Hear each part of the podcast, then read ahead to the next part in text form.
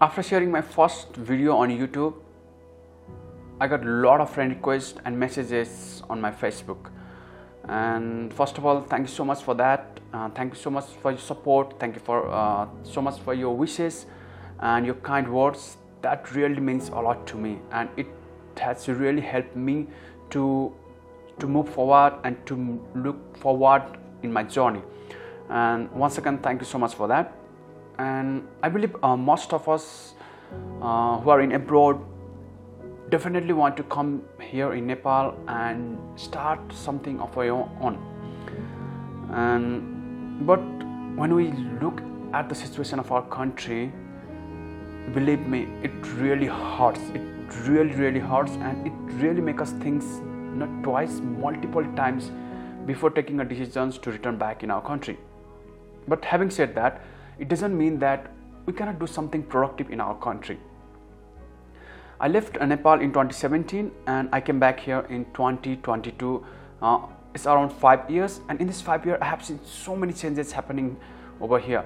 Uh, and the first change is definitely in the online payment. Now I can see that everywhere there's online payment, so you don't have to go to the places just to pay uh, your fee or just to pay some charges. Now sitting at home with, with your mobile, you can pay most of your bills. And that is so impressive.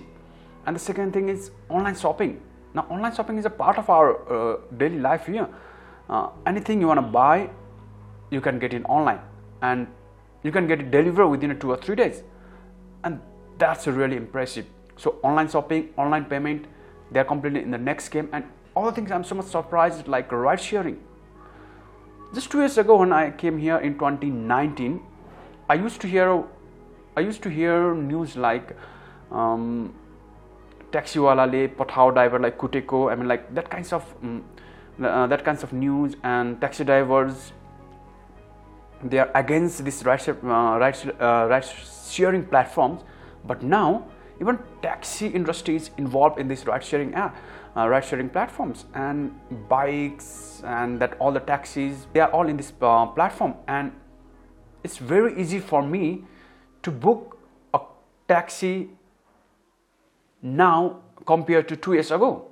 And, and it's really cheap. Before i have to bargain with the taxi driver like how much for this up to this distance. But now everything is systematic. Everything is on the on that platforms. And like you can choose between a motorcycle or a taxi depending upon your need. And that's really impressive.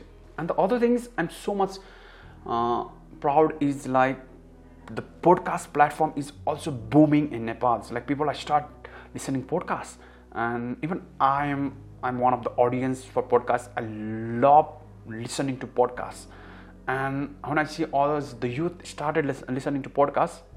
This is also one of the industry that that is definitely growing, and the other industries like educations uh, in health industry there are a lot of other startups growing up. And the the culture of startup is gradually growing in our country. And that is one sector i really love. I really love to talk about. I really lo- want to get engaged with.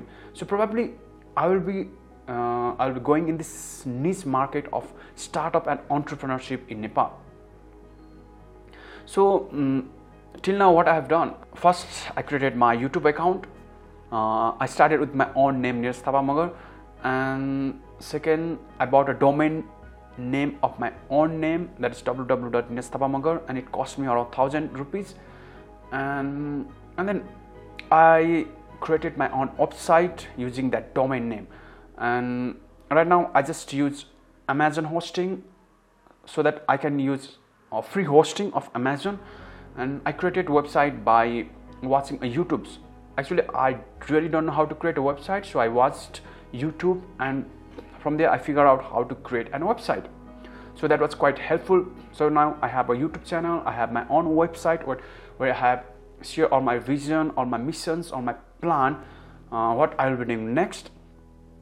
And and the third uh, third is like yeah i'm also going to start a podcast uh, called next udyami and this podcast is all about the journey, the challenges, and the opportunities, and the vision of the young entrepreneurs who have just started their startups or who are just trying to push forward their startups. And um, make it a big impact in our society or in our community. So, for that, I need to get connected with those entrepreneurs, those startups. So, my next plan will be to get connected with them and to have a conversation with them and to start talking about entrepreneurship, uh, uh, startups, entrepreneurships, their vision, their missions, and how they are solving the problems of our community.